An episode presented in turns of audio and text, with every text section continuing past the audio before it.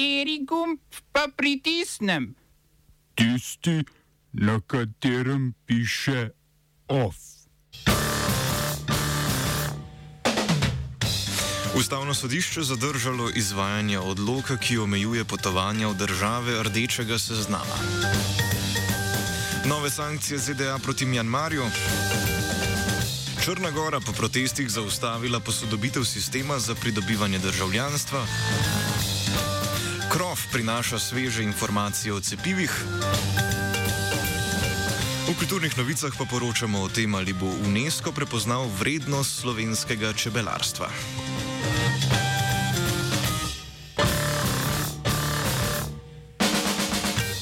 Dobr dan. ZDA so uvedle nove sankcije proti Mjanmarju, kjer je vojska pred dobrima dvema mesecema izvedla državni udar. Gre za sankcije proti podjetju v državni lasti, ki se ukvarja s trgovanjem z dragimi kamni, ker je obdržalo svoj položaj tudi po udaru, torej iz trgovine profitira vojska.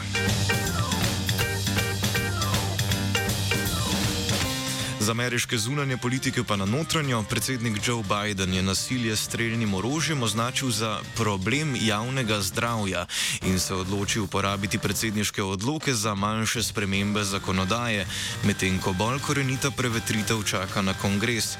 Biden seveda ne bo posegel v drugi amandma, ki vsakemu američanu daje neodtujljivo pravico do streljnega orožja, pač pa bodo predlagani ukrepi nadzorovali širjenje orožja duhov. Doma narejeno streljno orožje, ki nima serijskih številk. Želi prepovedati nekatere dodatke za orožje, naročil je preiskavo o trgovini z orožjem na območju ZDA ter predstavil kandidata za vodenje agencije za alkohol, tobak in streljno orožje Davida Chipmana, čeprav njegova potrditev zaradi orožarskega lobija ni zelo verjetna. Napovedal je tudi pripravo zakonodaje, ki bi ljudem, nevarnim drugim ali sebi onemogočila dostop do orožja kôžia. V bližajoči se preiskavi vojnih zločinov na območju Palestine, ki jo bo izvajalo Mednarodno kazensko sodišče, Izrael ne bo sodeloval. Predsednik izraelske vlade Benjamin Netanjahu je zavrnil pristojnost sodišča za izvajanje preiskav početja Izraela, saj ta namreč nima podpisane pristopne pogodbe, ki bi sodišču dal avtoriteto nad državo. Na drugi strani je Palestina članica sodišča že od leta 2015. Netanjahu je očitke kršenja človekovih pravic na območju Gaze in vzhodnega brega zanikal, sodišče je po uradnem odprtju preiskave 3. marca Izraelu ponudilo možnost, da se do 9. 9. aprila izjasni, ali podobno preiskavo opravljajo tudi sami. V tem primeru bi država lahko prosila za odlog. Preiskava se bo osredotočala na vojno v Gazi od leta 2014 ter na smrti palestinskih protestnikov od leta 2018 naprej. V Črni Gori so zaradi protestov začasno prekinili načrt novega sistema pridobivanja državljanstva. Ta bi namreč poenostavil pridobivanje državljanstva tujcem, ki živijo v Črni Gori. To so pretežno Srbi in Rusi, tako bi bilo državljanstvo mogoče pridobiti že po desetih letih stalnega bivanja. Še vedno pa bi se morali odreči državljanstvu neke druge države, da bi lahko pridobili Črnogorsko. Hkrati bi otežil izvajanje volilne pravice tistih črnogorskih državljanov, ki živijo v tujini. Protestniki menijo, da je politika vlade preveč naklonjena srpski manjšini ter da vlada ne sledi nacionalnim interesom. Oba, če, če bom odgovoril na angliški. Slovenija bo poskušala pomagati. Slovenija bo naredila naš utmost, da bo rekla, da je situacija naš problem, sami. In bomo naredili nadaljnje korake, as soon as the conditions are. Bomo vlado Marjana Cererera Šarca podprli. Very, very serious. News from Slovenija. We know how and we will. Ustavno sodišče je zadržalo izvajanje določbe vladnega odloka, ki omejuje potovanja v države rdečega seznama.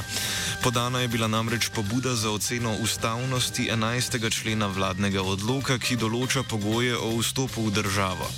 Odlok je stopil v veljavo 29. marca, vlada pa je z omejitvijo potovanj za necepljene in neprebolele želela zmanjšati tveganje za širjenje novega koronavirusa. Pobudo je sprejelo osem ustavnih sodnikov, proti je glasoval le Klemen Jaklič.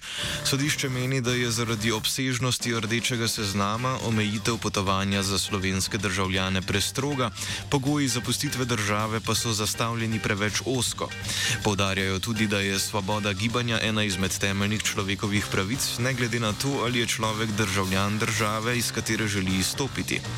Izvrševanje določbe bo zaustavljeno, dokler sodišče ne doseže končne odločitve. Več nam pove nekdani pravosodni minister in eden izmed pobudnikov presoje Alež Zalar.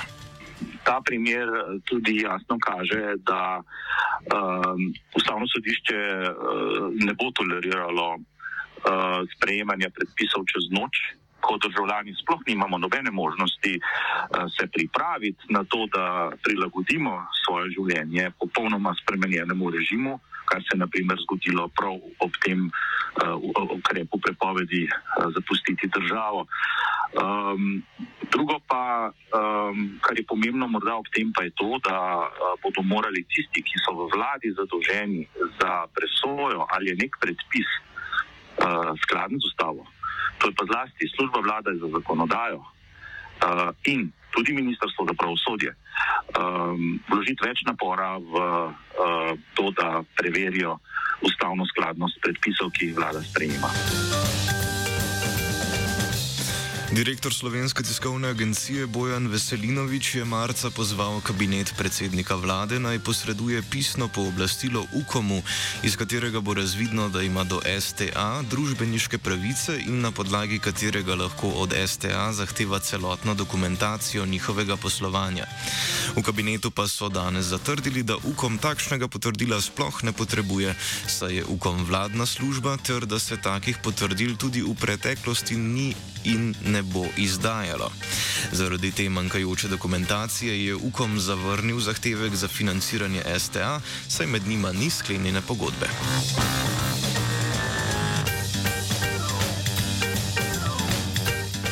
Nekateri poslanci Desusa začenjajo novo dramo in sicer od začasne voditeljice stranke Brigite Čokl prek odvetnika zahtevajo opravičilo za njeno izjave v medijih, med drugimi v delu in večeru.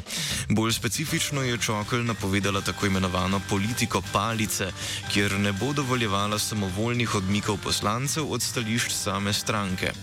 Tako obnašanje krivi tudi za padec javnomnenjske podpore. Če opravičila ne dobijo, bodo poslanci sprožili sodne postopke.